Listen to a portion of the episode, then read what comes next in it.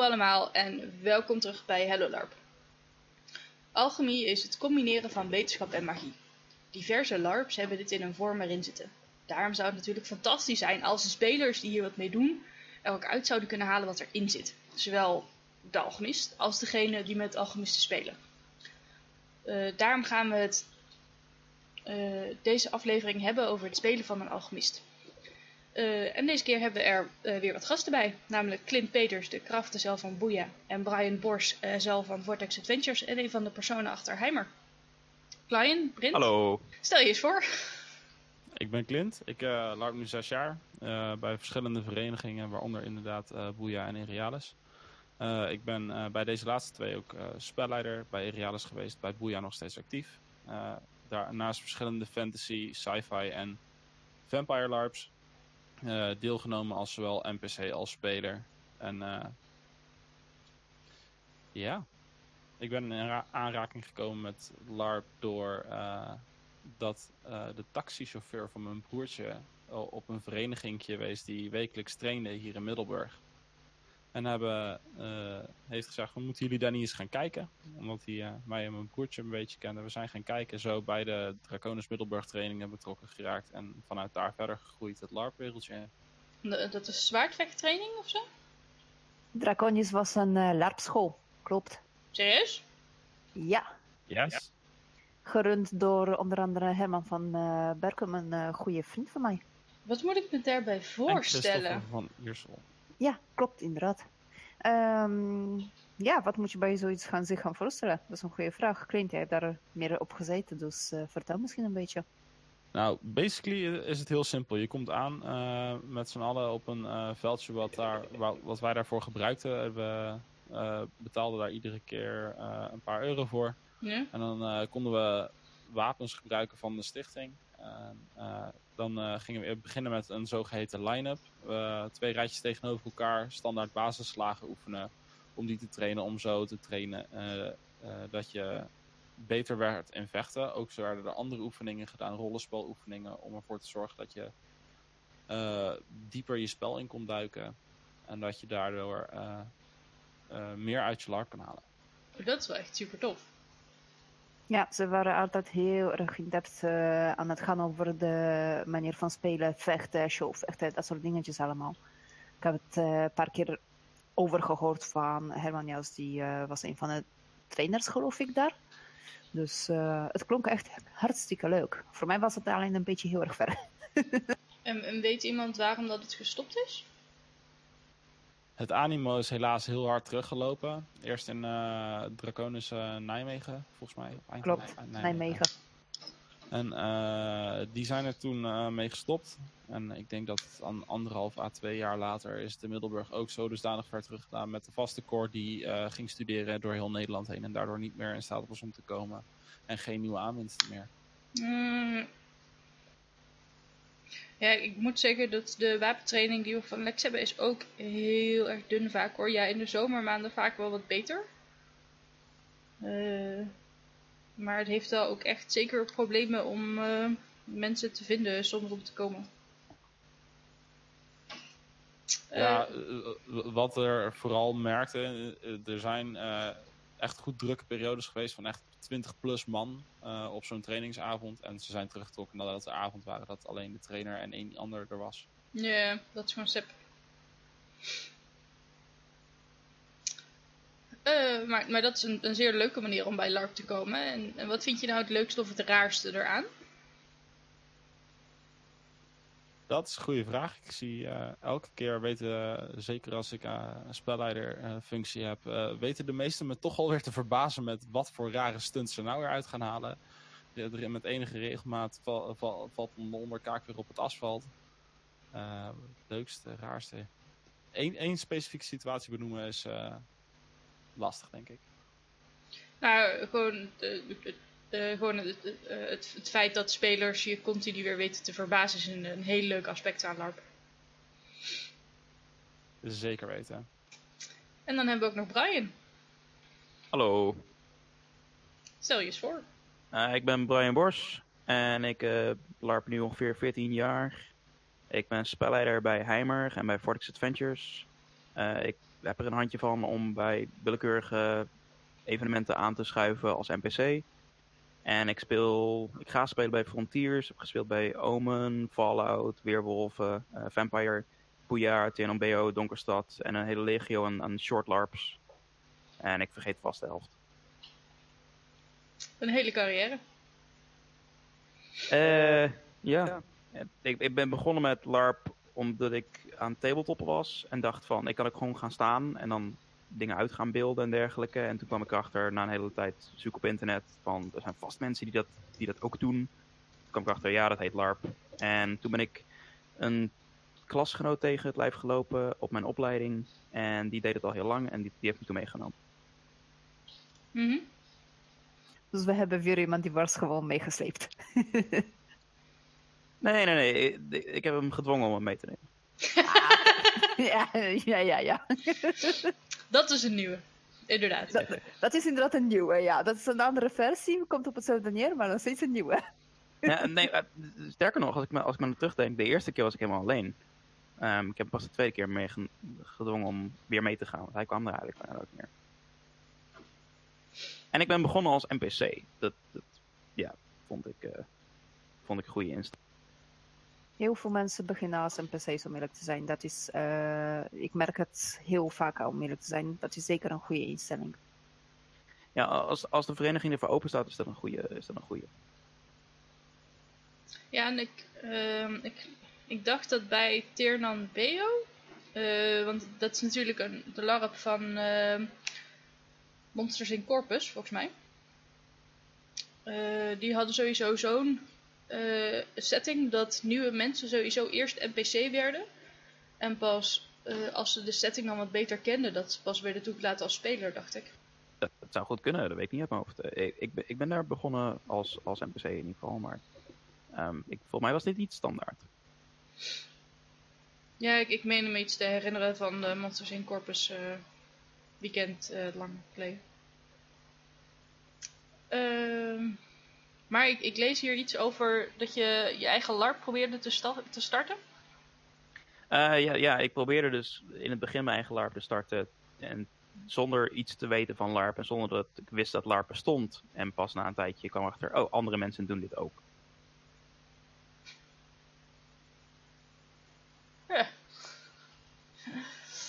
De- de- de- en en eh, ben je daar uiteindelijk nog iets mee gaan doen? Met, met die zelfbedachte LARP? Uit- uiteindelijk niks. Uiteindelijk heb ik die geshelft. En heb ik een, een andere LARP ook nog zelf proberen te bedenken. Die heb ik ook geshelft. En pas toen ik eh, ehm, veel later echt zelf ben gaan LARPen. eh, toen heb ik de ervaring opgedaan. En dacht ik van, oké, oké, dit is hoe je het hoort te organiseren. En toen ben ik mijn eigen LARP begonnen. En die heet Heimer. En die ben ik samen met eh, twee goede vri- vrienden ben ik toen echt begonnen daar een eigen LARP van te maken. Ja. Eh, en, Heimer komt ongetwijfeld terug in een andere aflevering. Eh, en deze aflevering toevallig ook wat meer. Eh, maar vertel eens wat je nou het leukste of het raarste vindt aan LARP. Nou, het, leukste vind ik systemen maken. En, en ehm, dat gebeurt voornamelijk voor de LARP. En de, voorbereidingen vind ik eigenlijk het leukste. Het, het, het bedenken van systemen hoe, die, die je vervolgens kunt misbruiken om een niet bestaande wereld te simuleren. En eh, heel lang heb ik ook gewoon gewerkt aan mijn LARP zonder dat we werkelijk events draaiden. Het duurde echt jaren en jaren. Ehm, had ik gewoon genoeg aan puur en alleen het systeem bedenken. En op een duur eh, eh, werd, mijn, werd mijn vrouw daar gek van. En zei ze van, nee, er moeten ook evenementen komen. Dus toen zijn die er gekomen. Mhm. Behind every powerful man is an even greater woman. Nee. Niet per se. Ja, dat mag je er zelf een keer vragen. Dat. en zorgen dat het op afstand wordt gedaan. Ik, eh, ik, ik wil eigenlijk wel vouchen voor, eh, voor Brian als de systemenman. Wat ik heel knap vind, Brian, wat je altijd doet, is dat jouw systeempjes, die zijn eh, over het algemeen heel speelbaar. Wat je heel vaak ziet dat mensen systemen gaan maken om onzekerheden op te vangen. En eigenlijk zonder de onbedoeld fel spel vast te timmeren. En ik vind eh, heel knap van Brian systeempjes dat er altijd spel uitkomt. Eh, dankjewel, Mark. Cool. te horen. Mag je in zak stoppen, ja. Wij zijn, op papier zijn wij een soort tegenpolen, want ik, heb, ik, ik hou helemaal niet van systemen. En ik, ik, ik, ik, eh, nou ja, ik, ik heb kruisvaart tegen grote, dikke spelregelboeken. Ja, en die van Eh, mij is bijna 700 pagina's. dus- ja, precies Ja, dat. nou, dat oh, daar gaan mijn, mijn, mijn laatste nekharen van overeind staan. Maar dat, jou, eh, tot nu toe eh, eh, heb ik jou bijzonder goed weten te tolereren. Ik, ik vind het heel knap. En je had, je had ook nog iets wat je het, het raarste vond aan LARP. Ja, d- dus mensen zoals Mark, die, die proberen van het spelletje een leuk verhaal te maken. Daar, daar, daar kan ik niks mee, vind ik heel vreemd. Ehm, maar is niet erg, dat is niet erg. Zo, zo zijn er ve- vele verschillende soorten eh, larpen.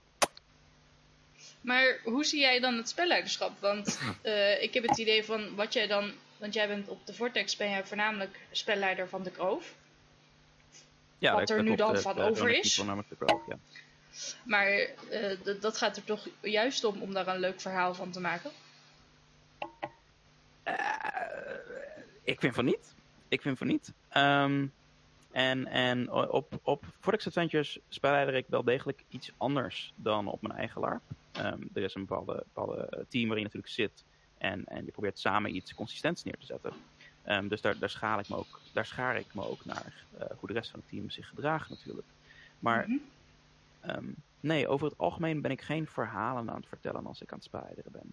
Ik ben de fictieve wereld waar de speler zich in bevindt aan het simuleren. Ehm, Je bent het volkje van inspiratie. Sorry? Je bent het volkje van inspiratie. ja, dat, dat, is, dat is hoe Vortex Adventure spelers vaak de spelleiders noemen. Ja, het, het, het gele wolkje van inspiratie vanwege de gele tablets die ze dragen. Ja, sorry? Ja? ik heb altijd het idee dat ehm, het verhaal komt vanzelf. En daar hoef ik niet echt moeite voor te doen. Wat ik probeer te doen is mensen een consistente reactie te geven vanuit de fictieve wereld. Zodat ze langzaam maar zeker kunnen wennen aan hoe deze vreemde magische wereld werkt. En zodat nieuwe spelers ook echt door oude spelers aan de hand meegenomen kunnen worden. En zeggen van, oh, dit, dit soort situaties heb ik al eerder meegemaakt. Daar moet je zus en zus, mee om, zus en zo mee omgaan. En ik vind dat als je kiest voor een leuke scène neer proberen te zetten, dat je al heel snel die consistentie kwijtraakt. Waardoor ook die oude speler ehm, ja, dat, dat, dat, dat, dat voorspellende vermogen kwijtraakt die eigenlijk de ervaren avonturier zou moeten hebben. Ja, ja de- daar ben ik het wel heel erg mee eens. Ik vind het een interessante manier om daarna te kijken. Ik, ik, ik heb het zelf minder. Eh, meestal probeer ik in mijn calls eh, wel die consistentie erin te houden. Maar ik probeer het altijd wel op een dusdanige manier te doen. Dat er eh, veel, veel spel uit gegenereerd kan worden. Ja, uiteraard. Kijk, je, je moet natuurlijk afwegingen maken in, in dat. Maar ehm, daarom heb je ook. daar- daarom vind ik het belangrijk dat een LARP communiceert van tevoren wat voor soort calls hun spelleiders maken. Wat voor soort spel ze neer gaan zetten. Gaan ze, heel, gaan ze heel erg de narratieve kant op? Gaan ze heel erg de, de, de gameplay kant op? Of gaan ze heel erg de, de ehm, simulationistische kant op? Is dit niet... Dit doet me heel erg denken aan het praatje van Mark. Maar dan anders. Ja, is die, de, de, de freeway model. ehm, Ja, Ja, Ja, de, de, GNS-theorie. wacht, Ja. GNS, zei je? Wat, waar staat Eh, GNS voor? Gamist, narrativist, simulationist. GNS. Oh ja, ja. Oh, ik, ik dacht eigenlijk Exact even dat dat je games and stuff de theorie bedoelde. Ik denk, huh? Ehm, maar ja, ik, eh, ik zit een andere keer zit ik graag allerlei eh spelleiding bij elkaar om eh, het te hebben over de ins en outs van het spelleiding. En dat gaan we ook echt absoluut een keer doen. Ja, er wordt oorlog. nou, dat wordt dan een prachtige oorlog om naar te luisteren. of een hele vergadering. Ehm, maar vandaag eh, gaan we het hebben over alchemisten. Ehm, nou ja, als ik, eh, tot nu toe ben ik eh, alchemie zo'n drie keer tegengekomen in boeken. In alle drie was het soort van een belangrijk plotpunt als het er dan in voorkomt, want het is speciaal. En een, paar keer ben ik het ook tegengekomen in een anime. Eh, een van de boeken was natuurlijk Harry Potter. De andere twee die zijn minder bekend en ook minder belangrijk. Ehm, maar toen ik dus bij LARP terecht kwam, was de enige kennis die ik van alchemie had, eh, die van waar je lood probeert te veranderen in goud en dat soort zaken. Ja, of, waar je eh, uit het niets een, een mens probeert te creëren. Wat Homunculus, dat soort Juist, dingen. inderdaad. En toen ik dus bij LARP kwam, was ik eigenlijk best wel verbaasd dat toen ik eh, daar alchemie tegenkwam, dat het eigenlijk alleen maar ging over drankjes brouwen. Nou, dat vond ik heel interessant.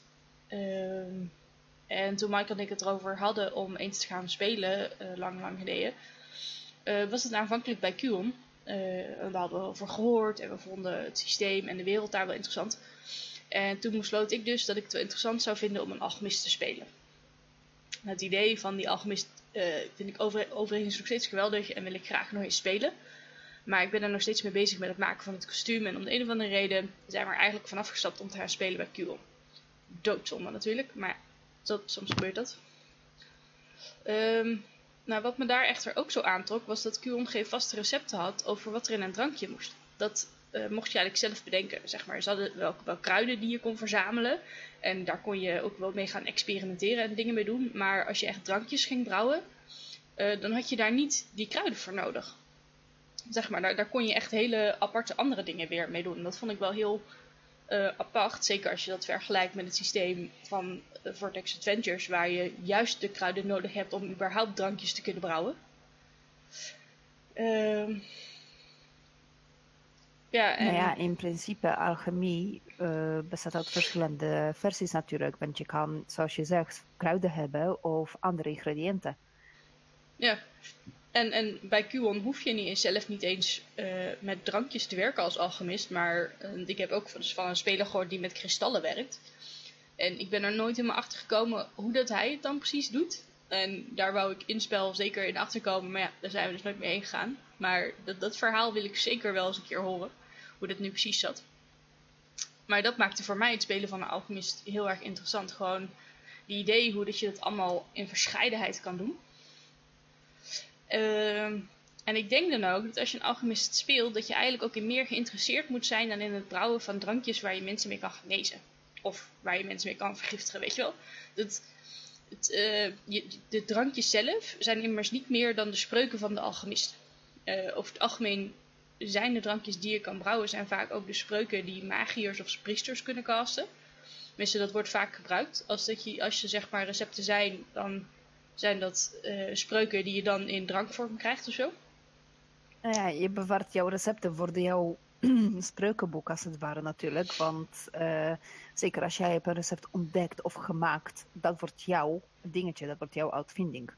Dus het is inderdaad wel een, een soort van spreuk voor ze, zeker. Nou, wat ik bedoel is dat. ehm, dat eh, ik weet dat bij Ravenskeep, dacht ik, en bij Vortex Adventures ook, zijn. Daar heb je recepten die alchemisten kunnen brouwen. En ehm, die recepten, dat is eigenlijk puur dat ze kruiden hebben gekoppeld aan bepaalde spreuken die ook al in het systeem zijn. Zeg maar, dus je krijgt dan diezelfde spreuken, krijg je op een andere manier nog een keer in het spel. soort van. Durf ik niet te zeggen. Ik heb er geen ervaring mee. Maar dat zou heel goed kunnen. Dat er wordt bijvoorbeeld gezocht naar. Nou, eigenlijk nu je het zegt, ik eh, bedenk me dat ik denk, moet terugdenken eigenlijk aan een granaat. Want ja, precies. En je weet al denk ik aan welke ik bedoel ook, want uh, afgelopen event was er eens zo eentje gebruikt. Uh, je krijgt namelijk een effect van fireball of een explosie in een flesje. Oh, de, de, de, ik, ik, ik stond heel ergens anders op het veld, dus de, het effect heb ik niet meegekregen. Ik heb andere verhalen van granaten van Jamiro. Ja, dat, de, de, diegene wat ik had uh, gegooid was in ieder geval een explosion. Um, maar ja, en, en, hoe dan ook uh, is het zo dat je dit als iedere priester of magier uh, is natuurlijk leuk als je het, het, het casten van een spreuk zo leuk mogelijk aankleedt. Dus is het voor voor een alchemist dan ook belangrijk om te weten hoe ze hun drankjes uh, maken en wat daarin zit en zo. En, en dat is dan je aankleding van je spreuken. Uh, dus daar gaan we eigenlijk nu eerst even wat, wat dieper op in. Uh, en, en daarna ook hoe dat je die, die interesse dan volgens uit kan spelen. Ehm, maar eerst. Ongeacht in welk systeem je zit, als het alchemie heeft, dan heeft het ook de mogelijkheid dat de speler, personage, zelf kan bedenken hoe zijn drankjes in elkaar zitten. Tot op zekere hoogte. Eh, ik heb het niet over de kruiden die mogelijk nodig zijn vanuit het spel, maar meer over hoe jouw personage als alchemist denkt dat alchemie werkt. De alchemist die ik nooit heb kunnen spelen bij Curon bijvoorbeeld, denkt dat haar alchemie uh, magie komt uit de symboliek van dingen en werkt met bloemblaadjes en kleuren. Uh, daar zijn al haar recepten op gebouwd. Zij heeft trouwens een receptenboekje, wat ik daadwerkelijk heb, waar alle recepten staan opgeschreven in echte alchemie-symbolen. Ik heb er zelfs wat extra bij verzonnen, zodat ik alle recepten in die alchemie shorthand op kon schrijven. Um, en op die manier kun jij zelf bedenken hoe alchemie werkt voor jouw personage en hoe dat die drankjes eruit moeten zien. Um, dan over het daadwerkelijk uitspelen. Uh, hier heb ik van week uh, met Brian over mee zitten bomen. Uh, en hij mag nu zelf zijn eigen uitleg geven. Uit, uiteraard bijgestaan door Klit. Uiteraard, wordt graag bijgestaan. Ja, ik, ik heb mijn verhaal een beetje gebaseerd op de, de, handelingen die je verricht um, als alchemist tijdens het brouwen van je drankjes. En zal waarschijnlijk niet alle handelingen hebben bedacht die je zou kunnen toepassen, maar in mijn ervaring deed ik het ongeveer op in vier dingen. En dus je, je hebt, als je drankjes gaat brouwen, um, heb je ongeveer vier stappen slash handelingen die je uitvoert. Uh, je hebt ingrediënten, die heb je verzameld. En die ga je dan scheiden tot puurdere vormen van die ingrediënten. En dan kun je wegen en meten. En vervolgens, uh, als je zeker weet dat je de goede ratio's hebt, dan kun je gaan mengen. En op een duur sla je het op in meestal flesjes. En dan geef je het aan andere spelers om te consumeren. En um, dit kun je natuurlijk niet echt in het luchtledige doen. Uh, wat je eigenlijk wilt, is dat je een een of andere laboratorium hebt. Een een of ander uh, tent waarin je, waarin je je ketel hebt staan. Of een een of andere tempel waarin je bidt naar de, de goden van, van alchemie om je te helpen. Uh, een, meestal heeft een alchemist echt een plek waar, waar, de, waar de, de substantie die geconsumeerd gaat worden, wat het dan ook is, voorbereid. Ja. En, en eigenlijk de, de meeste um, uh, alchemisten die ik, die ik tegen ben gekomen, die, die hebben niet echt zo'n plek ingedeeld als ze beginnen met spelen. Ja, ze, hebben meestal gewoon een, een pak waar ze, waar ze veel uh, tijd en aandacht in gestoken hebben. Maar een alchemist heeft eigenlijk een soort tweede kostuum. En dat is zijn laboratorium. Daar kan hij heel veel van, van uh, de persoonlijkheid van een personage in kwijt. En ook de, wat je zegt, de, de manier waarop hij denkt dat de alchemie werkt. Ja, en, en voor elk van deze stappen, scheiden, wegen, mengen en opslaan, zou ik zeggen dat uh, het handig is om minstens één voorwerp of um, gereedschap te hebben bij je dat je dat, je dat kunt uitspelen. Als je een, een volledige plant of ledemaat of paddenstoel of wat je dan ook gebruikt, kristal hoorde ik, uh, wat je dan gebruikt voor, voor ingrediënt, um, in een ketel stopt, dan is dat veel minder interessant dan dat als je eerst hem helemaal gaat ontleden tot zijn, kleinste bestandsdelen. Want veel bestandsdelen van zo'n object zouden allerlei nare bijwerkingen kunnen veroorzaken uh, of het gewenste effect dat je wilt hebt, wat je hebt uh, af kunnen zwakken. Dus een beetje alchemist die gebruikt alleen maar een heel klein stukje van het ingrediënt dat nodig is. En dat kun je natuurlijk gebruiken, die handeling, om uit te spelen dat je werkelijk aan het voorbereiden bent.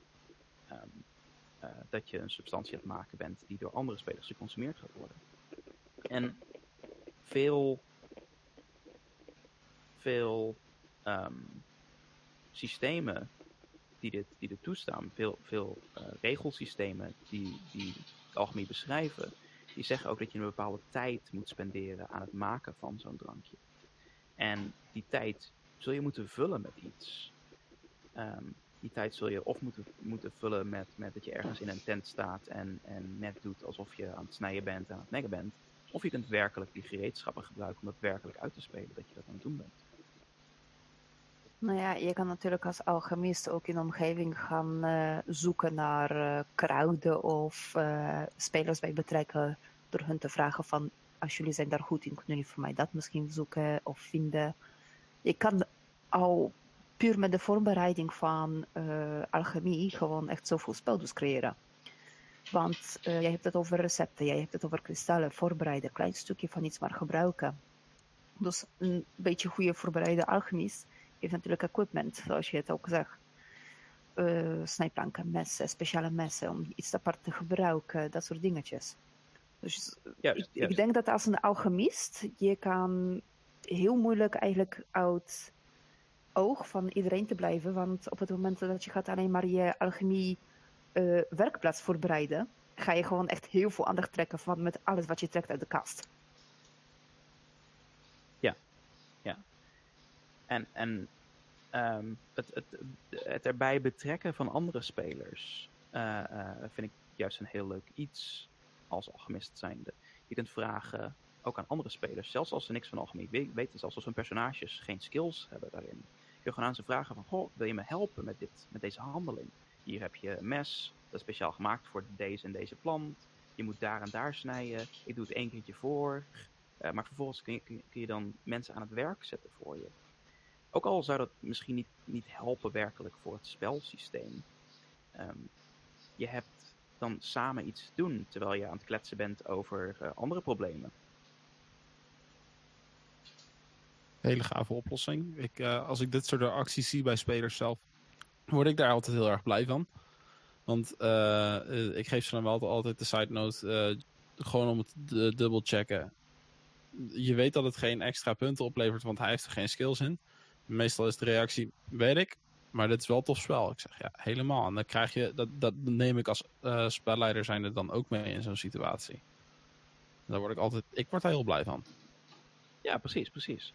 Uh, het is dezelfde manier bij, bij genezing. Als je, als je iemand erbij, bij, als je in paniek aan het roepen bent naar de persoon die aan de andere kant van de tafel staat van, snel, pak deze ader vast, hou hem, hou hem, hou hem vast, druk op de wond, zodat er geen bloed meer uit ontsnapt. Ook al heeft die persoon geen enkele genezingsskills, dat maakt helemaal niet uit. Je betrekt andere mensen in het spel, je geeft andere mensen spotlight binnen de klas die jij aan het spelen bent. Ja, iedereen kan iets aandrukken, iedereen kan iets vasthouden. Iedereen kan iets gaan snijden op een plankje. Juist, juist, precies. Maar even in jouw ervaring, dan bijvoorbeeld, hoe reageren over het algemeen spelers op zo'n verzoek? Want ik heb het bijvoorbeeld ook een paar keer meegemaakt dat spelers hadden zoiets van, ja, uh, Nee, want eh, ik heb nu iets anders te doen. En vervolgens verdwijnen ze dus en de alchemist heeft geen spel, nog creëert spel. Ja, dat, dat kan het voor, natuurlijk voorkomen. Uh, over het algemeen probeer ik dat soort laboratoria te plaatsen in een, in een ruimte waar en veel doorheen gelopen wordt, of langs gelopen wordt, en uh, vlak langs ruimtes waar vergaderd wordt en dergelijke. Dat je mensen gewoon kunt uitnodigen van, nou, doe de vergadering in mijn lab, zodat ik mee kan praten terwijl ik aan het werk ben aan de drankjes. Want zo'n alchemist die doet alles op road handelingen, dus die weet hoe hij zijn drankjes moet maken. Dus die kan gewoon, terwijl hij aan het discussiëren is over dingen, kan hij uh, nog steeds aan het brouwen zijn.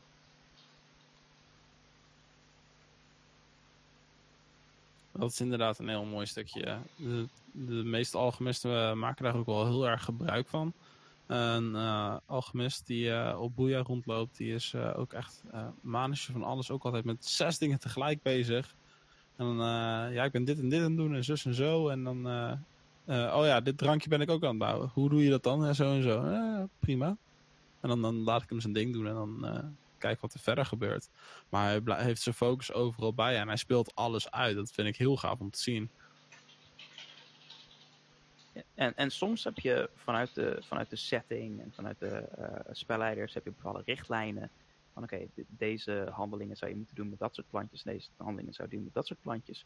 Maar de overgrote gedeelte van de, van de spelleiderteams, die, die houden dat gewoon helemaal vrij. En die zeggen, ja, deze ingrediënten moeten erin. En dan komt dat drankje eruit. En die vertellen je helemaal niet, oké, wat voor handelingen doet de alchemist werkelijk. Dus dan kun je dat helemaal zelf invullen. En zo even uit nieuwsgierigheid, want uh, dit is natuurlijk wel spelers maar betrekken bij een uh, spel van alchemist, weet je, van het spel creëren. Uh, hebben jullie situaties meegemaakt, bijvoorbeeld in geval dat een alchemist was bezig met iets creëren en ja, weet je, critical fail gehad? Hoe pak je zoiets aan als een spelleider? Ontploft er iets, om het zo te zeggen, of hoe? Dat kan. Dat hangt er heel erg vanaf van wat hij doet en waar hij mee bezig is. Het systeem waar ik in werk uh, op Boeia is uh, heel vrij in deze. De, we, we, we, hebben geen geschreven recept, om het zo te zeggen. We hebben alleen ingrediënten. Uh, de alchemist die daarmee gaat werken, die weet dat hij een aantal van die ingrediënten met elkaar kan combineren. En daar komt dan iets uit. En dat gaan ze dan proberen. En dan moeten ze het zelf bijhouden wat er nou uitkomt. Wat, voor, wat de reactie van het drankje is. Dat schrijven ze dan op, zodat ze, dat de volgende keer die combo maken, dat ze weten wat het doet. Dus echt een fout daarin maken is eigenlijk niet van toepassing. Maar ik heb het ook in andere settingen gezien die wel volledig uitgeschreven recepten hadden. Waar een alchemist dus inderdaad een handeling verkeerd uitvoerde. En inderdaad dus een stuk van zijn lab heeft opgeblazen.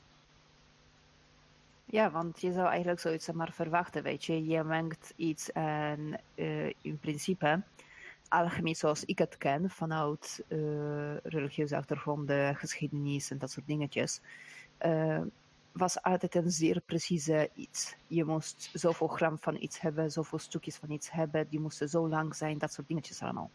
Dus het is heel moeilijk, of juist heel makkelijk, om een foutje in te maken. En als je maakte het fout, ja, dan waren jouw kostbare ingrediënten weg. Dus ik zou eigenlijk dat wel verwachten, zeg maar terug een beetje in alchemie in LARP ook. Want anders lijkt me alchemie heel makkelijk overpowered te worden. Het is, het is heel moeilijk als spelleider om daarop in te springen. Over het algemeen ga je er niet naast staan als een speler een, een drankje aan het brouwen is. Om te kijken of hij alle stappen wel goed, goed doorloopt. Um, nee, precies, want jullie zijn overal nodig. Dus ja, er is precies. niet de tijd ervoor, letterlijk. Ja, ja, ja, absoluut. En, en dat zou ook heel flauw zijn, want dan zouden sommige spelers zoiets hebben van: oh shit, er is nu een spelleider in de buurt, dus nu kan er iets fout gaan. En je wilt helemaal niet dat je als spelleider invloed hebt op het spel. Of je, nou, uh, je wilt in ieder geval niet dat je invloed hebt op het spel, op het, op het spel door middel van simpelweg aanwezig te zijn. Um, dus ja, over het algemeen, als ik systemen bedenk rondom alchemie, dan zorg ik ervoor dat mensen fout, dingen fout kunnen doen in het systeem zelf. Dat het systeem zelf ingewikkeld genoeg is en genoeg uitdaging biedt om fouten te maken. En als een speler eenmaal een recept goed doorheeft en het al tig keer eerder gemaakt heeft, de kans dat er dan nog iets misgaat is natuurlijk zeer klein. Maar in de systemen, eh, in de systemen van Heimer heb je ook elke keer weer nieuwe ingrediënten. Want de spelers zijn elke keer op een andere plek aan het spelen. Dus moeten ze elke keer nieuwe recepten uitvinden. Ja, daar komt eigenlijk de alchemie een beetje ook op neer, lijkt me. Ja, maar het overgrote gedeelte van, van de um, uh, LARP-systemen die ik ken rondom alchemie heeft dat, heeft dat niet. En uh, heeft gewoon standaard recepten. Of dingen die mensen zelf mogen verzinnen. En beide kunnen eigenlijk niet fout gaan daardoor. Een standaard recept kan niet fout gaan.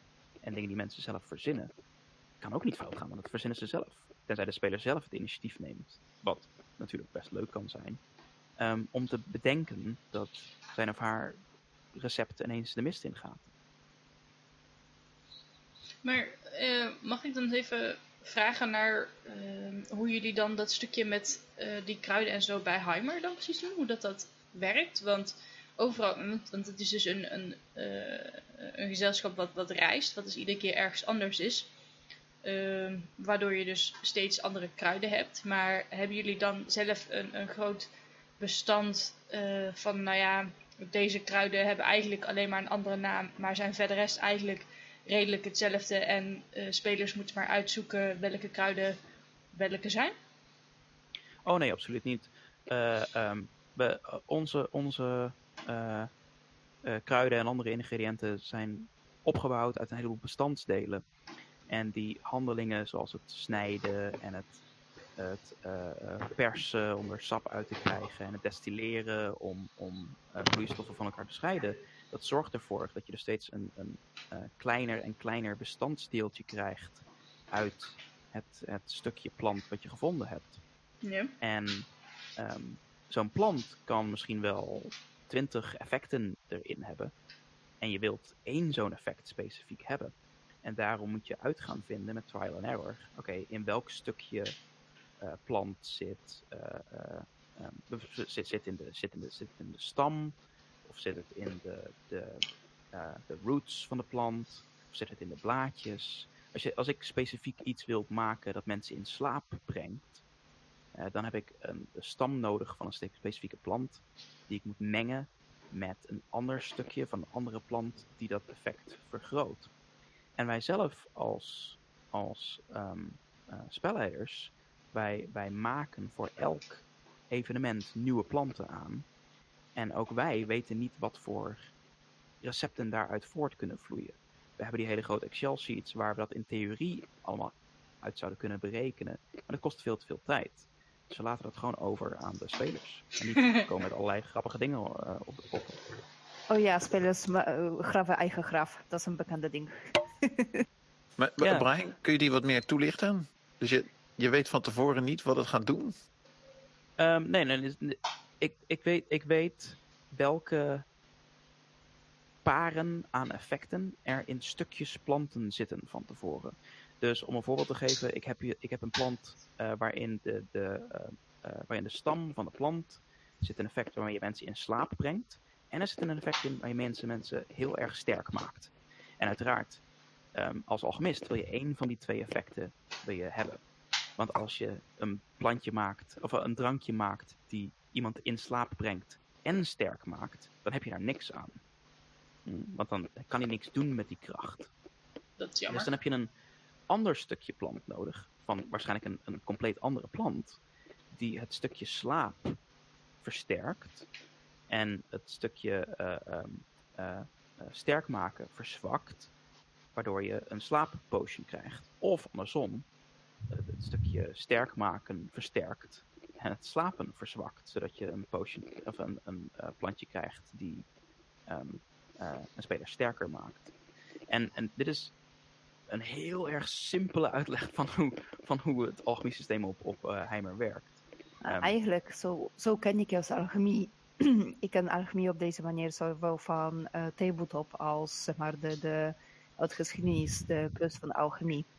En dat is inderdaad, zeg maar, elk stukje van plant heeft andere effecten. Dat kan je ook gebruiken, dat kan je ook zien en terugvinden eigenlijk in, in principe van kruidengebruik. Wordt ook bijvoorbeeld altijd aangegeven, je moet een bepaalde, je mag alleen wortel gebruiken of alleen het eh, bloemblaadje, nooit de stam of eh blaadje zelf gebruiken. Ja, precies. En, en ik wil het niet te lang hebben over, over het specifieke systeem van, van Heimer. Want het specifieke systeem van Heimer is, is een op zich best zeldzaam systeem. En, en je moet het maar net, maar net van zo'n soort systeem houden. ehm eh, wil je het, wil je het waarderen. Ehm, breder gesproken in, in LARP ehm, eh, heb je dat systeem meestal niet. Nee, klopt. Ja, Het ik- is inderdaad ik- zo'n beetje de eerste keer dat ik over eh, zo'n uitgebreid systeem hoor. Ja, ik, ik vond, Ik, eh, ik weet wel dat Malak Denny heeft ook hele uitgebreide systemen. En ik heb toen wel gekeken naar hoe dat hun systeem werkt voor genezen. Want dat vond ik ook wel heel erg interessant. Maar ik heb toen niet meer Ja, gekeken dat is hoe inderdaad hun... een heel ingewikkelde... Yep. Maar ik heb niet meer gekeken hoe dat hun alchemie eh, systeem werkt. Want dat, eh, daar, daar kwam ik gewoon. Maar volgens mij was dat ook eh, vergelijkbaar met dat je eh, bepaalde essences moest hebben of zo, dacht ik. Klopt. Voordat, voordat ik verkeerde dingen ga zeggen. En, en mensen andere dingen bij de LARP denken dan dat erin zit. Ehm, maar de, de- dat is wel ook inderdaad een, een gevorderde LARP voor mensen die juist die ingewikkelde systemen zeg maar eh, leuk vinden en kunnen handelen. Ja, eh, ik zou, ik zou niet zeggen dat, dat het Heimer systeem nou specifiek bedoeld is voor gevorderden. Ehm, het is bedoeld voor mensen die het leuk vinden om met dergelijke systemen om te gaan. Mensen die het leuk vinden om de scientific method te gebruiken eh, tijdens hun LARP-spelletje. omdat je werkelijk met trial and error je eigen recepten kunt ehm, verzinnen. Ja, Eh, wat, het, wat het oplost, Brian, is dat dat- in het eerste deel van je, eh, van je uitleg daar was ik het niet mee eens. Dat vond ik klinken als antispel. Een herhaalbaar proces waarbij je iedere keer dezelfde stappen doorloopt. Dus in mijn gedachten zag ik al voor me, je, je, je wil een genezingsdrankje maken. Nou ja, dan is dat tien evenementen lang hetzelfde proces herhalen. Eh, dat, vind ik, dat vind ik eigenlijk anti-spel. Dat is anti- anti-improvisatie, Ja, eens. anti-variabele. Uh. Eh, maar dit maakt het, dit vind ik heel interessant klinken. Het feit dat ik er naartoe moet werken en dan aan het einde een, een set variabelen heb en misschien een soort puzzel dingen in elkaar kan glijden. Dat ik stappen terug kan doen en kan zeggen: nee, ik had daar dit stukje plan voor moeten hebben.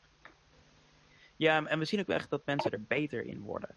Ehm, eh, de, de eerste paar evenementen was het echt aanrommelen. En hadden ze aan het einde van het evenement hadden ze misschien een potion die half werkte of half deed wat ze de bedoeling deden. Maar nu beginnen ze ook echt heel snel erin te worden. En, en ehm, zitten ze met z'n allen geekly om een tafel. Ook de niet-alchemisten. Ook de niet-alchemisten die zitten geekly om een tafel om de notities van de alchemisten te bekijken. Om te kijken van, oh, als we nou deze plant samen met die plant. Want hoe, hoe gemengd, groot is er? Heimer nou eigenlijk? Met hoeveel alchemisten? Eh Heimer heeft twee alchemisten. Maar Heimer is een mini. Heimer is een mini-evenement van, van hoogstens 20 eh, mensen eh, op, een, op een evenement. Oh, dat is Ja, dan heb je dus best veel, dan heb je veel eh, alchemisten op zich al, want eentje zou al genoeg zijn in principe. Oh ja, absoluut. Maar het, het mooie van, van eigenlijk alle systemen in Heimer is dat mensen die niet de skills hebben, alsnog kunnen meedenken over de puzzel. Eh, dus, dus ook de niet-alchemisten, die zitten mee te denken met de alchemisten over welke soort recepten de alchemisten uiteindelijk zouden kunnen. Klinkt heel gaaf. Ik, eh, ik ben erg benieuwd naar hoe dingen werken. Ik wil hier nog eh, wel een keer met je over babbelen. Buiten deze talk om. Puur omdat ik ook zelf bezig ben met het systeem van Boeia te tweaken. En eh, te kijken hoe ik dat eh, interessanter kan maken. Ik denk ik dat ik nog best wel wat van je kan leren op deze manier. Ja, ik, ik, het, on- ons eh, regelsysteem is open source, dus steel alles. Maar ik heb er graag een keertje met je over. Ehm, maar zullen we verder praten over hoe je alchemie gaaf kunt uit... Ehm, waar ik nog even naar benieuwd ben, eh, Brian, is... eh, jij zegt Heimer is een vrij klein evenement. Ehm, denk je ook dat het- dat de regelset die jij gebruikt opschaalbaar is naar de grootte van bijvoorbeeld een eh Vortex Adventures? Of denk je dat dat problemen gaat geven met het systeem? Eh, op dit moment zou, eh, zou het opschalen naar de grootte van Vortex Adventures, zo'n 300 spelers, ehm, eh, zou nog wat problemen veroorzaken. Maar we hebben het systeem zo gemaakt dat het in ieder geval kan opschalen tot zo'n 60 mensen. En met enkele aanpassingen kan het wel degelijk tot 300 mensen opschalen. Netjes, netjes. Dat eh, klinkt goed. Zeker. Maar is, is dat ook iets waar jullie naar gaan streven om zo groot te worden? Of eh, ehm, heb, je, heb je nu maar gewoon 20 spelers? Of is het wel de bedoeling dat hij maar groter gaat worden? Eh, het is de bedoeling dat Heimer groter gaat worden.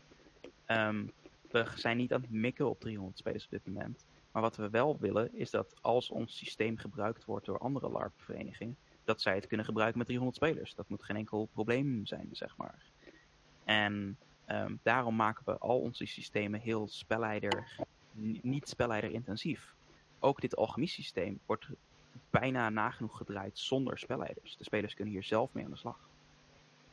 Ik heb me overigens eventjes verdiept in het ehm alchemie van Malakdan. Ja? Eh, buiten het spe- specifieke zeg maar, ehm, elementen, wat je inderdaad had het over Imke. Zij hebben het over zogeheten zwaardere elementen of gecombineerde elementen. Eh, oftewel, eh, bij combineren van elementen komt bij Wereld van Malakden ook een beetje magie aan, van- aan te pas. Ehm, daardoor krijgt de alchemist ook inzicht in eh, wat ze hebben gecreëerd en dus vervolgens kan hij ook hiermee verder werken. Dus het is niet zo van dat de alchemist creëert iets en weet niet wat het doet, om het zo te zeggen. Ja. Dat, dat vind ik op zich wel handig en enigszins logisch voor een alchemist, want die zou moeten kunnen herkennen wat hij heeft gecreëerd eigenlijk. Mhm. Maar daarnaast, ehm, er wordt enigszins ook gezorgd ervoor dat de alchemisten, als er zijn er meerdere van, meestal, ook gaan samenwerken. Ja. Want eh, je moet bijvoorbeeld als een alchemist zijnde, eh je hebt een soort van een stappenplan, als het ware. Dat hebben ze ook eh, heel handig uitgestippeld in hun regelsysteem. Ja. In principe, als een alchemist, daar ga je kijken, je gaat bespreken met een spelleider wat je precies gaat doen. Dus eh, maak je een nieuw voorwerp, dan moet je dat zeker gaan bespreken. Ja. Eh, niet zozeer bij het volgen van een bestand of een bekend recept. Maar dat is vanwege, hè, je gaat iets nieuws proberen. Dus eh altijd handig om een spelleider bij te hebben. Eh, hoe ga je het doen? Dus eh, hoe ga je het aanpakken? En eh, als je van tevoren hebt al bepaald wat je, hebt, wat je gaat maken, kan je alvast gaan eh, elementen ervoor verzamelen.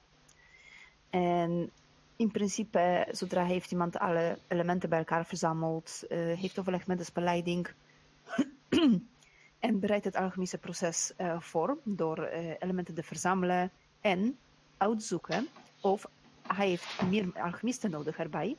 Eh, of ze moeten bijvoorbeeld samen de alchemische proces leiden, gezien het niveau bijvoorbeeld van de elementen. Of eh, vanwege niet genoeg mana hebben. Dus in principe, alchemisten bij Malakden hebben ook eh, mana die wordt erin gestopt. Ik weet niet of dat is hetzelfde bij Heimer, bijvoorbeeld. Eh, nee, maar wel iets vergelijkbaars. Oké. Dus bij jullie werken, ze, werken de alchemisten niet met mana ook erbij. Nee, eh, er is geen enkele klas in Heimer die iets met mana doet. Oh, Ehm, kijk. ook de magiërs niet. Hoe werken de dat, hoor je, magiërs dat hoor je dan? niet vaak. Eh, andere... Sorry, dat gaan we een andere keer bespreken. Nou ja, in eh, het algemeen bij de Malakdani is ook natuurlijk, eh, ja, de spelleider gaat eh, aanwezig zijn bij het uitvoeren van het alchemische proces. En zou vervolgens aan de alchemist duidelijk maken wat hij precies eh, heeft gemaakt en hoe dit zou werken.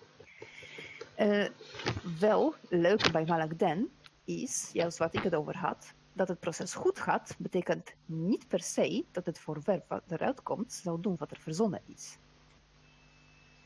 Logisch. Ja, voor mij is het ook logisch. Maar dat wordt mm, soms niet altijd gebruikt. Eh, als je bij elke alchemische proces, bij Malakden bijvoorbeeld, een spelleider hebt nodig, kan ik me enigszins voorstellen dat bij andere eh, LARPs, bij andere verenigingen, is dat niet mogelijk om tekort van SL's of SL's die moeten iets anders gaan eh, beoordelen en dat soort dingetjes. Ja, dan, dan zit je in de weg met de schaalbaarheid van het systeem. En een een dergelijk systeem zou dus niet werken met 300 spelers. Want dan heb je te weinig spelleiders om al die alchemisten te helpen de hele tijd met el, elk hun drank. mits je hebt hetzelfde hoeveelheid aan spelleiders zoals bij een evenement van, laten we zeggen, 80 man. Dus dat is inderdaad te maken met schaalbaarheid ervan. Maar het is een beetje logisch klinkend voor mij tenminste, eh, als je vereniging gaat groeien qua aantal deelnemers, dat jouw team gaat ook groeien. Helaas is dat in werkelijkheid 90% van de tijd niet het geval. Ja, dat weet ik helaas. Ja, en, en daarnaast, je, je kunt niet echt op alle plekken tegelijkertijd zijn. Ook al is je team groot genoeg. Ehm, eh, je, wat je in theorie zou kunnen doen dan, is, is aanstellen... Dit zijn de alchemist-spelleiders. En die zijn altijd in deze en deze tent te vinden. En daar moet je je drankjes brouwen. Maar over het algemeen wil je je spelers gewoon de vrijheid geven om hun drankjes te brouwen. Bij welke spelleider dan ook. En als je al die spelleiders allemaal zeggenschap moet geven over dat, over dat systeem, ehm, dan zit je dus met schaalbaarheid problemen. Ja, dat is een optie. Hoe eh, het bij Boeia werkt. eh, de meeste spelleiders hebben een eigen stukje. Daarbij sta ik specifiek voor de crafting. En is iedereen eh, die met crafting vragen heeft en of dingen met crafting gaat doen, komt dat bij mij aan en of afmelden. Ja, en, en dat kan ook als je een, een klein genoeg terrein hebt en mensen jou makkelijk kunnen vinden. Of je een plek af, afgesproken hebt waar de crafting gedaan moet worden en die spelleider is daar altijd te vinden. Maar als je een, een groot evenement hebt, zoals bijvoorbeeld Vortex Adventures, dan valt dat in het hond. Ja, eens. Helemaal eens. Daarom zeg ik ook niet dat één eh, variant de beste is. En is het dus juist heel afhankelijk per vereniging wat werkt. Ja, eens, eens.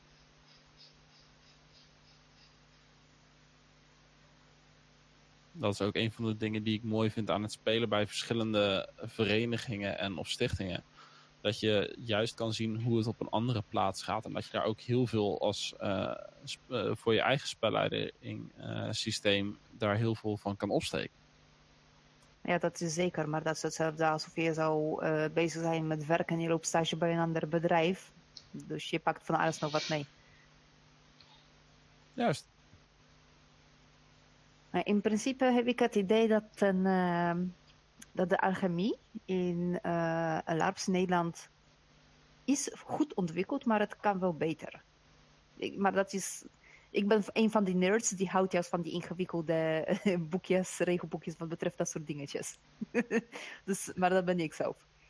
Maar het is heel simpel niet praktisch, dus voor verenigingen meestal, omdat eh, het is heel erg spelleiding intensief. En alom bekend, er is spelleiding tekort.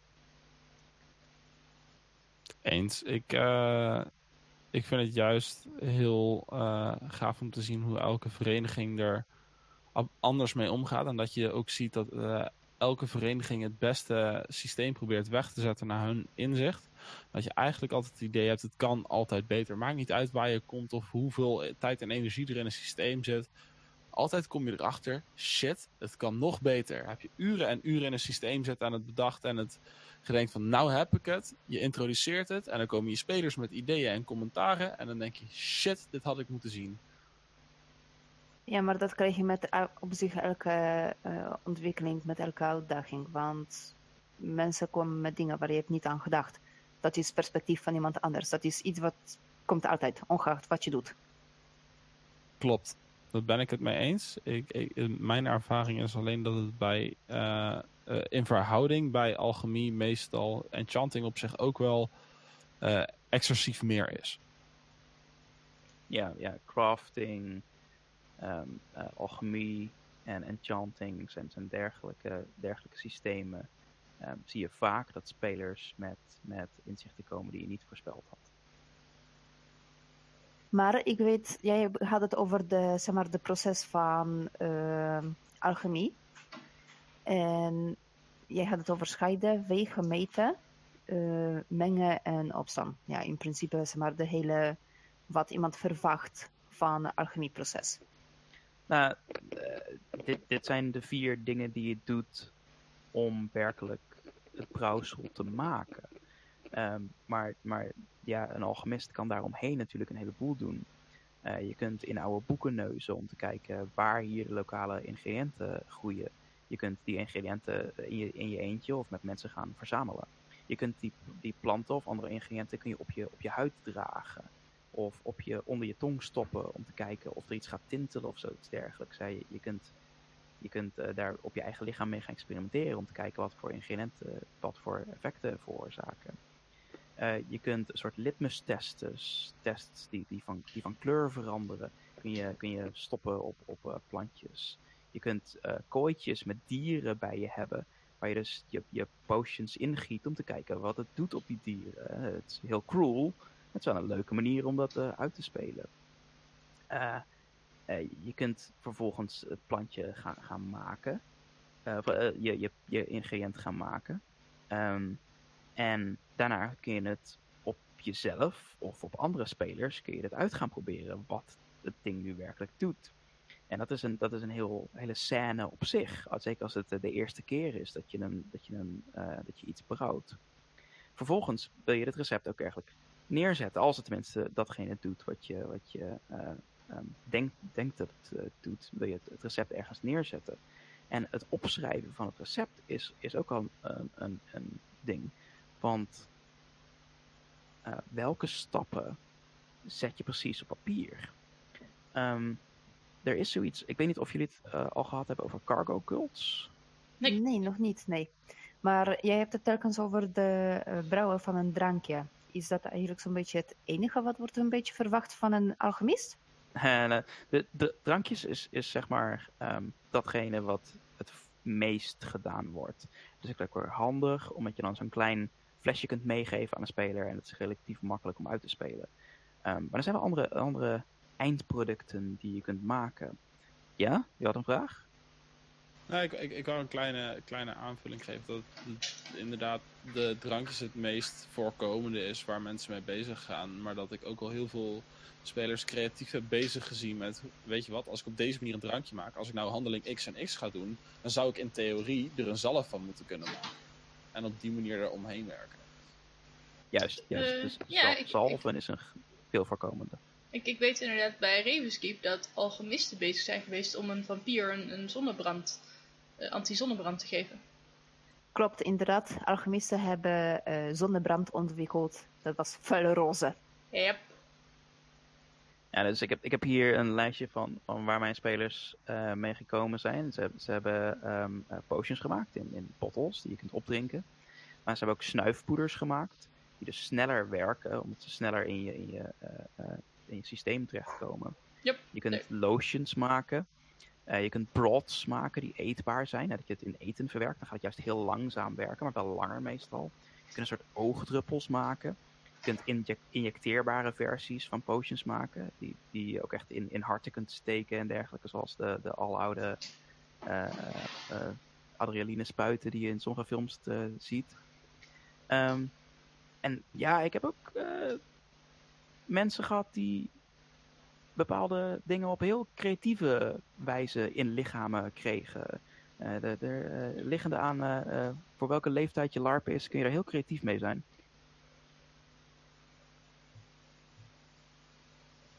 Nou ja, ik zou, om, ik zou me bijvoorbeeld ook wel bedenken dat een alchemist zou kijken van, ehm, het, laten we zeggen met het klassieke, het eh, goud maken. Ja, hij heeft goudtekort, eh, ik ga goud maken, ik ga goud maken, want hè, dat is makkelijk, eh, probeer het, om iets in die trend. Hebben jullie bijvoorbeeld ook meegemaakt dat iemand ehm, probeerde ze maar zo'n misbruik te maken van alchemie? Hoe gingen jullie daarmee om? Hoe ging het spel, spel, spelers mee om, dat soort dingen. Eh, wat bedoel je precies met misbruik? Bedoel je dat ze Nou dingen ja, maken? het gebruiken van eh, alchemie voor eigen doeleinden. Eh, Zoals niet voor anderen te helpen. Dat zou ik Ja. gebruik noemen. Ja, Nee, ja, nee, ja, ja. nee. Het- ik, ik, had, ik had een speler en die had ehm, eh, de opdracht om één persoon dood te maken en één persoon te redden. Niet specifieke personen. Nee, deze speler moest één persoon doodmaken en één persoon redden. Dat was de opdracht van een godheid. Dat was een vreemde opdracht. En ehm, er kwamen een, een aantal zieke mensen het veld op. En deze persoon was al gemist en kon kon uit de, de, ehm, eh, de, de symptomen van de ziekte herkennen welke ziekte het was en welke ingrediënten er precies nodig waren in welke combinatie om de personen te redden. Maar ehm, deze had eh, ook door dat er een andere ziekte was die erop leek. En een van de symptomen hield ze verborgen voor de rest van de spelers. En ze maakte twee ehm, drankjes. Eh, eh, de ene die de personen zouden redden en de andere die de personen zou doodmaken. En die zei ze van, ja, ik weet niet zeker welke ziekte het is, dus jullie mogen zelf kiezen welk, wie welk drankje inneemt. En op die manier kwam ze zowel aan de, aan de opdracht van de god toe, eh, wat dus duidelijk eigen gewin was, ehm, als dat ze eh, eh, ehm, haar alchemie ja, gebruikte om iemand te redden. Want, ik, ik ben even gemist, wat was de opdracht van de god dan eigenlijk? De, de opdracht van de god was om één persoon dood te maken en één persoon te, het leven te redden. Ja, ja, ja. Ja, dat is een klinkt, elegante eh, oplossing. Klinkt als een leuke uitdaging ook. Want eh, hoe ga je ermee moreel om? Eh, zeker alchemist zijnde en dat soort dingen. Mhm. Maar ja, alchemie eh, misbruiken voor eigen gewin. Eh, wat je daarmee denk ik eerder bedoelt, is dingen zoals ehm, hele sterke drankjes maken en het dan zelf innemen. Of dat soort dingen. Nou ja, gezien het feit dat we hebben het over een beetje, eh, ik denk in heel vaak klassieke termen. Denk bij, ja, je bent een alchemist. Maar over het algemeen zijn maar alchemisten bekend vooral om ehm, dingen te maken voor anderen. Of eh, om iets te beschermen, iemand redden. Potions, nou ja, welke potions maken ze over het algemeen? Over het algemeen juist met positieve kanten, positieve effecten. En als iemand zou een alchemist spelen dat ehm, probeert voornamelijk anderen te strikken voor werk eh, met alchemie, zodat hij of zij juist voordeel aan heeft. Eh, bijvoorbeeld, eh, zoek uit voor mij welke ingrediënten zorgen ervoor dat ik kan meer goud maken. Want hè, die alchemist wil geld hebben. Ja, het grappige is dat dat, dat ehm, de oorsprong is van alchemie natuurlijk. Het, meer transmutation. Ja, eh, het klopt. maken van, van drankjes en dergelijke. Dat is iets wat fantasy eraan toegevoegd heeft. Maar in, het echte, in de echte wereld was transmutation eigenlijk het enige wat ze probeerden. Klopt. En in, in de meeste LARPs die ik tegenkom, wordt transmutation niet of nauwelijks gedaan. Ehm, Maar is, is dat ook niet omdat dat zeg maar ook moeilijk uitspeelbaar is? Want eh, je begint al met een stukje lood en het moet eindigen in een stukje goud. En hoe Ja. zou je dat in godsnaam doen? ja, dus, dus het, is niet, het is niet alleen moeilijk uitspeelbaar. Het is ook Ja. nog zo. Sprayverf. Sorry? Sprayverf. Maar het is ook nog eens zo dat de meeste LARPs hebben niet een stukjes lood. En daarmee bedoel ik niet dat het in de setting niet voorkomt, dat mensen niet kunnen meebrengen. Nee, de, de, de, de resource load ehm, eh, is over het algemeen niet van waarde. Kun je, geen, kun je geen wapens van maken of zoiets dergelijks. Dus over het algemeen zijn die systemen niet geschreven om het ene materiaal om te zetten in het andere materiaal. Nou, Bo- Boeia is een eh, eh, vrij open wereld. Je kan eh, een native spelen van de wereld waar ze op leven. En je kan een summon spelen van een andere wereld. Ik heb een aantal spelers rondlopen. Die hebben de anime Full Metal Alchemist gekeken. En hebben daar inspiratie uitgetrokken voor hun personages. En zijn op die manier met transmutatie dus bezig binnen onze setting. Het is heel Oh, gaaf om te zien hoe die wauw. spelers daarmee bezig zijn. Ik, ik, ik moet heel erg. eh, eh, daardoor word ik heel erg uitgedaagd aan het kijken wat doen ze, hoe doen ze het. En ja, het is een vorm wat zij noemen alchemie. Ik noem het anders. En eh, op die manier moet ik ernaar gaan kijken hoe, eh, hoe zij dingen uitspelen en wat ze willen bereiken. En of dat ik vind dat zij de kennis en de kunde hebben om dat te kunnen bereiken. Dat is een hele andere dimensie van het spel eh, dan dat er is met het reguliere alchemie. Maar hoe doen hun dan met eh, transmutatie? Want eh, ik weet dat bij Fullmetal Alchemist is het een eh, equivalent exchange gebeuren. Klopt. Want dat is inderdaad ook een van de manieren waarop ik zeg maar echt bekend ben geraakt met alchemie.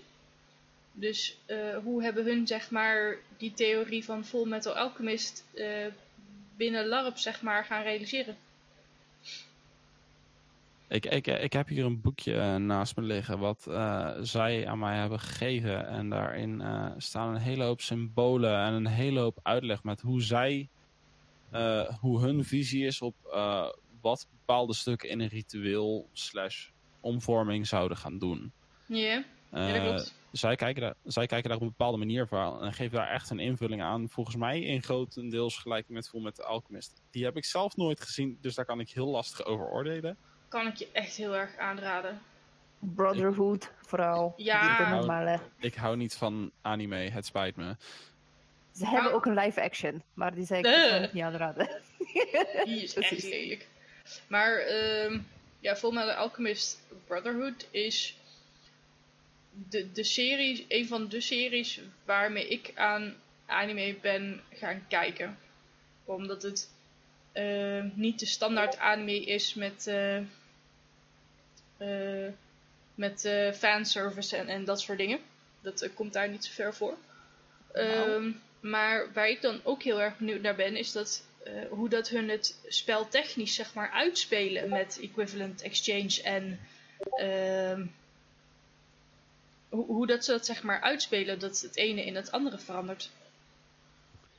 Nou, hoe ze het uitspelen is, eh, ik heb een aantal componenten, zij willen dingen hebben. En eh, of het is er wel of het is er niet. Eh, dat, dat- is, en soms moet ik dingen freewheelen on the spot. Dat ik, eh, dat ik er op dat moment eh, bijvoorbeeld een... ze hebben geprobeerd buskruid te maken. En hebben daar verschillende ingrediënten die ze zelf mee hebben gebracht. Want daarin kan ik niet faciliteren. Zoveel spullen heb ik gewoon niet. Ja. En eh, die hebben ze zelf meegenomen en zijn er zelf dus dingen mee gaan doen. Hebben mij beschreven wat ze willen gaan doen, welke tekens daarvoor, welke achterliggende gedachte daar is. En eh, ermee rekening houdend dat ze op een andere wereld zijn. Dus dingen mogelijk anders werken. Ja? En op die manier eh, daarmee aan het spelen. Dus, ook met een bepaalde samenstelling van skill- skills waar ze mij van tevoren over hebben gecontacteerd wat praktisch zou zijn. En in deze ben ik dan aan het kijken wat ze willen. En in hoeverre ik daaraan toe kan geven volgens de metafysica van deze wereld. Maar Brian, jij, Brian, jij had het over eh, cargo cult. Eh, ik heb zich eventjes op, over ingelezen. Hoe, of, hoe, hoe slaat dat op op LARP? Eh, iedereen moet leren over cargo cults. Eh, cargo cults is een van de interessantste fenomenen, niet alleen voor algemeen, maar LARP in het algemeen. Zoek het op op Wikipedia, cargo cults. Super snel samengevat zijn het ehm, stammen die cultussen gemaakt hebben rondom cargo. En met cargo bedoelen ze dingen die gedropt worden door vliegtuigen. Vliegtuigen waren fenomenen die ze nog nooit gezien hadden. En eh, eh, in oorlogen kwamen ineens militaire vliegtuigen aan. En die, die brachten eten. En die brachten medicijnen. En die brachten allerlei gave, gave dingen die ze wilden hebben. En toen, zijn, toen, toen die oorlog ophield en die vliegtuigen stopten met komen, zijn ze nagaan doen wat de militairen deden op de grond om die vliegtuigen te roepen. Ehm, dus ze hebben een soort cultus gemaakt rondom het oproepen, het summonen van vliegtuigen. Dus ze maakten met palmbomen en dergelijke, maakten ze runways en ze gingen met fakkels, gingen ze die lampjes nadoen en dergelijke. Oh, wauw. Het sloeg natuurlijk helemaal nergens op, want er kwamen geen vliegtuigen uit voort. Maar dat is de handelingen die ze andere mensen zagen doen. En daar kwam een beelden van, van, van eh, eh, eh, ja, rijkdom en dergelijke uit voort. Dus ze zagen die vliegtuigen als een soort, als een soort ja, gift van de goden. Ehm, hoe dit relevant is voor LARP en specifiek alchemie, is elke keer als je een recept hebt of, of een, een handeling die je als alchemist doet, zou het best wel eens kunnen zijn dat je aan het cargo culten bent. En dat weet je dan, dat weet je dan out of character, weet je dat je aan het cargo culten bent. Maar IC gelooft jouw personage dat die handeling echt nodig is om het te laten werken. Hè, je, noemde al eh, die, die symbolen in de, in de plantjes en dergelijke die je gebruikte om je recept neer te zetten. Ehm, het zou best kunnen dat in die setting dat helemaal niet nodig is, die symbolen. Dat het net zo goed werkt als je die gewoon die plantjes onsymboliek bij elkaar homt en er eh, een paar keer goed door roert. Maar het geloof in die tradities rondom het recept, drie keer heen en weer, eh, drie, keer links roeren, dan twee keer rechts roeren, dan wat zout over je rechterschouder heen gooien. Het, zou best kunnen dat jouw alchemist er heilig van overtuigd is, letterlijk heilig van overtuigd is, dat dat nodig is om het recept te laten werken. Of in ieder geval dat het heel erg helpt om het effect te bereiken wat je wilt bereiken. En dat geeft een, een, een flair en een persoonlijkheid aan hoe eh, jouw personage ehm, eh, eh, die, die recepten bereidt. ehm, die heel erg kan afwijken van andere alchemisten in dezelfde setting. Maar ja, dat is dan puur hoe jij het geleerd hebt van jouw leermeester. En zo krijg je natuurlijk ook meteen weer allerlei culturen binnen alchemisten van de verschillende leraren die eh, verschillende dingen hebben aangeleerd. Absoluut. En die kunnen daar ruzie over krijgen. En de ruzie die ze daarover kunnen krijgen, die, die, die, die ga je natuurlijk niet dan vervolgens met trial and error proberen uit te vinden. Nee, je gaat erover schreeuwen naar elkaar. Dat is veel leuk. Bijvoorbeeld. Eh, wa- wa- wat er ook vaker uit voortkomt is weddenschappen. Wedden dat ik dit beter kan. Ja, absoluut. En, eh, de, de, de- wa- wat ik ook al heb gezien is eh, als je een hele hoop eh alchemisten hebt die dan met z'n allen een partijtje nieuwe eh, recepten gaan zitten brouwen die ze zelf nog nooit hebben gemaakt. En dan gaan ze iets doen wat eh, op Boeia bekend, bekend staat als het fenomeen alchemisch roulette. Ja. Dat houdt in, ik heb een drankje, dat heb ik gemaakt. Ik weet niet wat het doet. Ik geef het aan de persoon links van me of rechts van me. En die drinkt het op. En de persoon links of rechts van me heeft ook zo'n drankje gemaakt. Die geeft dat aan mij. En ik drink dat. En eens kijken wie wordt ziek. Dat. Wie voelt zich ineens heel overmachtig? Wie eh, eh, heeft er ineens last van dikke, dikke obstipatie? Je, je- kijk maar, wat gebeurt er? Ja, precies. Dus, Oh, eh, wauw. Maar, Oftewel gewoon experimenteren op mensen, want hè, hoe anders? maar had, je, heb Ja. je, had jij dan ondertussen aan de brouwers dan al wel verteld wat het deed? Of was het op het moment dat inname dat je dan pas naar die spelers toe loopt van... hé, hey, eh, dit doet het drankje.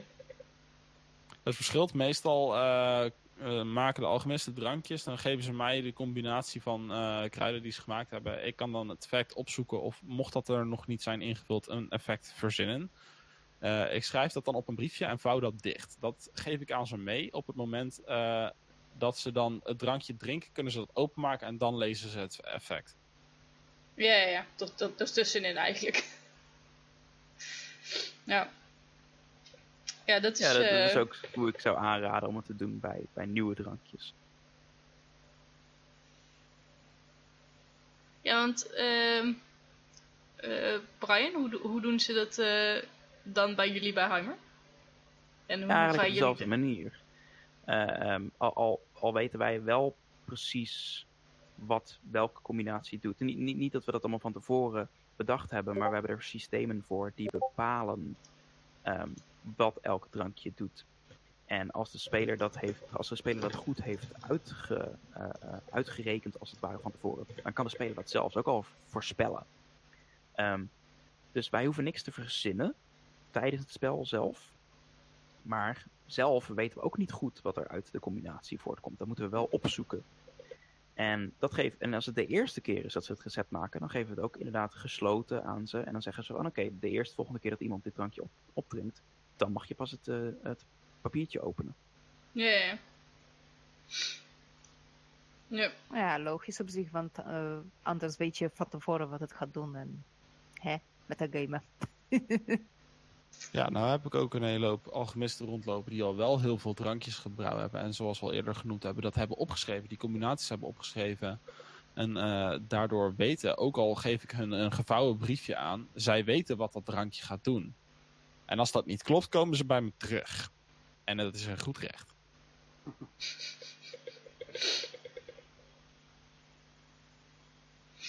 ja. Ehm, missen wij nog iets aan ehm, de verschillende aspecten van een alchemist uitspelen? Oh, ja. Eh, je had eh, nog een klein stukje, Brian. Ja, de, de laatste tip die ik nog wilde, wilde geven is dat je ook je andere classes wilt betrekken in, in je brouwen. Hè. Dus je, je, je, ehm, je priester, die kan het hele proces van het brouwen, kan, kan blessen uit een, een of andere godheid. Het liefst een, een godheid die daar, eh, ja, die, die daarbij goed bij past. Dus een godheid van wijsheid of een godheid van risico, als je dat dergelijke Russische roulette eh, dingen uit wilt spelen. Of natuur en gif. Ja, precies, precies. Nat- natuurlijk. Nee, lieve dingen, lieve dingen. En, en eh, eh, vechters kun je zweet eh, laten inleveren als je verwacht dat dat een, een of andere ingrediënt is. Eh, magiërs die kunnen natuurlijk als ze de potions bij zich dragen ehm, eh, en, en spreuken uitvoeren, dan, dan is dat vast heel goed voor, voor het proces van, van het katalyseren van, van alle vreemde alchemistische dingen die erin zitten. En het, het kan wederom goed zijn dat het in die setting allemaal niks doet, dat het in het regelsysteem allemaal niks doet. Maar de alchemist die je speelt, die is er heilig van overtuigd dat het wel iets doet. Oh ja, Dus- en daarnaast het levert ook spel op, want je betrekt de andere spelers bij. Precies, en daar gaat het ook vooral om. Hoe meer andere spelers je betrekt in het alchemie, eh alchemiste spel, hoe minder je ergens af, afgewezen in een, in een tent in je eentje staat te brouwen voor 10 minuten, omdat nou eenmaal in het regelsysteem staat dat het 10 minuten duurt. Ja, ja dat vind ik, dat, inderdaad- dat vond ik altijd wel een beetje het, het, het, het jammere van het idee achter een alchemist. Is dat je dan ehm, eh, soms alleen maar spel hebt met wat je hebt gemaakt. En niet met het daadwerkelijke maken, behalve in je uppie of met misschien een andere alchemist die toevallig ook aan het brouwen is in de tent. Eh, en dat het voor de rest vaak ehm, een beetje sip in je uppie is. Tenminste, dat is het idee wat ik er altijd bij had. En eh nou hebben we in het Vikingkamp hebben natuurlijk nu een alchemist rondlopen. En die heeft contact met meerdere andere alchemisten. En zie ik dat dat niet helemaal zo is. Maar ehm, daar zie je niet dit effect van dat ze er een priester bij roepen om het ehm, te, te, te blessen of zo. Ik weet wel dat hij ehm, voor drankjes die hij aan het maken is, dat hij bijvoorbeeld wel bloed van vechters zeg maar opvraagt. Om dat te verwerken in, in de potions en zo. Omdat hij daar dus van overtuigd is dat dat op die manier werkt. Dus met die essences, zeg maar. Mhm. Net zoals dat je essence van magie of van eh, geloof hebt, die je dan kan gebruiken om een drankje ehm, langer te laten werken, zeg maar. Zodat het eh, over kan naar een volgend evenement, dat je dan ook eh, essence van, eh, van, van, van rage of van liefde of van dronkenschap, zeg maar, dat je dat ook kan distilleren uit mensen. Ehm, en, en, en dat is eigenlijk best wel leuk om te, om, om te zien, zeg maar. Ja, En- dat, de en- emoties zelf worden gebruikt als een soort ingrediënt. Ja. Heel slim, heel slim. Zou ik zeker eh, aanraden om eh, spel tussen spelers te vergroten. Ja, ik heb een soortgelijke iets meegemaakt eigenlijk een keertje bij een tabletop. Zeg maar, ehm, essenties eh, werden gemaakt van emoties. En daar moest je dus ook iets mee gaan creëren. Oh ja, Dus op zich kan dat echt heel erg veel leuke spel geven. mijn, mijn vorige ehm, personage bij onze tabletop, die was dus een alchemist. En dat was een eh, Indiana Jones-achtige alchemist. Dus die was overal essences van aan het verzamelen. En het was echt zo hilarisch. Dat was gewoon echt die, die overal waar ze heen kwam en het, het was iets raars. En dan verzamelde ze gewoon een essence van, zodat ze ermee drankjes kon gaan brouwen en kijken wat het deed. Dat deed ze echt met alles. Ehm, Al in al moet ik wel zeggen, alchemie klinkt interessant. En ik denk dat er is echt een heleboel potentieel qua spel erin. Zeker als je een beetje ingewikkeldere systeem ermee hebt. hebt. En ik zie ook heel erg veel potentieel om gewoon andere spelers erbij te betrekken. En ik geef eerlijk toe, ik heb er nooit eerder over nagedacht of naar gekeken, omdat ik heb nooit een alchemist gespeeld of veel mee te maken gehad. Maar het eh, is zeker wel een interessant iets. Ja, hoe denken jullie daar nu over, Mark en eh, Pascal? Ja, ik hoor een heleboel over systemen. Maar ik denk dat als ik als spelleider naast een alchemist zou staan, dat ik vreselijk mijn best zou doen om te overtuigen van alles in zijn drankje te stoppen. En zeker niet wat er in zijn receptje staat. Oftewel om te experimenteren. Heel goed op te jutten en mensen eh, proberen onredelijke dingen te laten doen. En jij, Eh. Pascal, hoe vind jij het eh, zo'n beetje? Sorry, maar alchemist- jij was nog niet klaar, Mark. spel Is, is altijd fantastisch om naar te kijken. En inderdaad, hoe, ehm, ja, hoe enthousiaster de alchemist is met alle dingen die hij wil proberen, hoe mooier het spel wordt en hoe leuker het is om naar buiten te raken. Clint, heb jij nog iets eh, toe te voegen? Nee, niet specifiek. eh, alleen dat ik hoop dat ik eh, een beetje inzicht heb eh, kunnen geven eh, samen met Brian eh, om eh, wat voor mij slash eh, wat ik heb gezien eh, dat alchemie is en hoe je daar op vele manieren mee kan werken en dat mensen daardoor geprikkeld zijn geraakt om het te gaan spelen. Ik, eh, ik ben zeer zeker geprikkeld. Ehm, ja, ik, ik, ik moet zeggen, ik vond het heel interessant om hier nu meerdere spelleiding eh, te hebben die hier ehm, hun, hun ideeën en visies zeg maar over ehm, gaven. Meestal moeten we het doen met één. Ehm, Niet dat ze je niet waarderen hoor. Oh, absoluut niet. Maar mag ik weet dat dat even mijn favoriete eh, spelleiding is. Jee. Het is inderdaad heel interessant om de verschillende systemen naast elkaar te leggen. Dat, eh, dat is absoluut een ding. Ja, dat. En, Ja, en, en daar waar, waar ehm, in, in Nederlandse LARP eh, heel veel systemen op elkaar lijken, eh, eh, magie en dergelijke, genezing lijkt al gauw op elkaar, zie je in alchemie heel gevarieerde systemen binnen Nederlandse LARP. Ja, dat klopt, inderdaad. Je hebt, eh, er is geen één vaste manier van alchemie vastgesteld in principe. Waar dus iedereen kan zo'n beetje eigen variatie van maken. En misschien is dat ook iets wat houdt het een beetje leuk.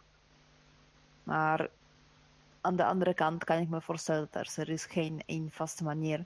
Dat spelers hebben echt met elke vereniging zoiets van... Maar dit is niet logisch, maar dat en zo en zus. Risico van het vak, zullen we maar zeggen. Nou, het lol van het spelletje. Ehm, ja, maar ja, ehm, ik eh, denk dat we het dan zo langzamerhand even gaan afsluiten. Ehm, volgende week gaan we het hebben over het volgende fascinerende beroep dat een personage kan hebben. En dat is dat van genezer. Ehm, hopelijk eh, kunnen we daar ook weer ehm, één of meerdere spelleidingen voor vinden, want dit is wel heel erg interessant.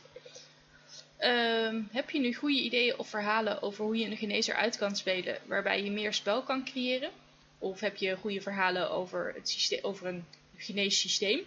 Vertel het ons via de Hello LARP Facebookpagina. Uh, ook als je andere verhalen hebt uh, over LARP, horen we die graag. En wie weet hoor je die binnenkort dan wel terug in een aflevering. Nou, wij hopen dat je met deze informatie met nog meer plezier en enthousiasme een alchemist zal gaan spelen. Of spel gaat opzoeken met een alchemist. Want de wonderen zijn de wereld toch niet uit en met alchemie uh, zijn, gaan meerdere deuren open. We hebben dus een Hello LARP Facebookpagina waar je het laatste nieuws bij kunt houden. Uh, deze podcast staat of valt natuurlijk ook met de luisteraars. Dus steun ons door over de podcast te vertellen bij je mede-larpers. Of aan je ouders, zodat ze wat beter kunnen snappen waarom jij nu zo verzot bent op deze hobby. Uh, ook kunnen wij heel goed geholpen worden met donaties. Op dit moment hebben we allemaal verschillende opnameapparatuur. En zoals je gemerkt hebt, uh, is dat nog wel eens verschillend van kwaliteit.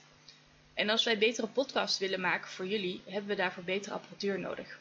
Dus als je wat over hebt en je vindt ons leuk, denk er dan eens aan om dat bij ons te doneren, zodat wij nieuwe apparatuur kunnen halen, waardoor onze podcasts nog meer beter worden.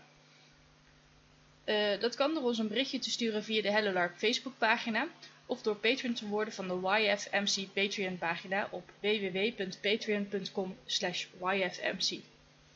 Met elke patron zijn we hartstikke blij en krijg je kijkjes achter de schermen. Vanaf 5 dollar per maand krijg je de afleveringen zelfs al eerder beschikbaar en kun je de show notes inzien. Tot de volgende keer!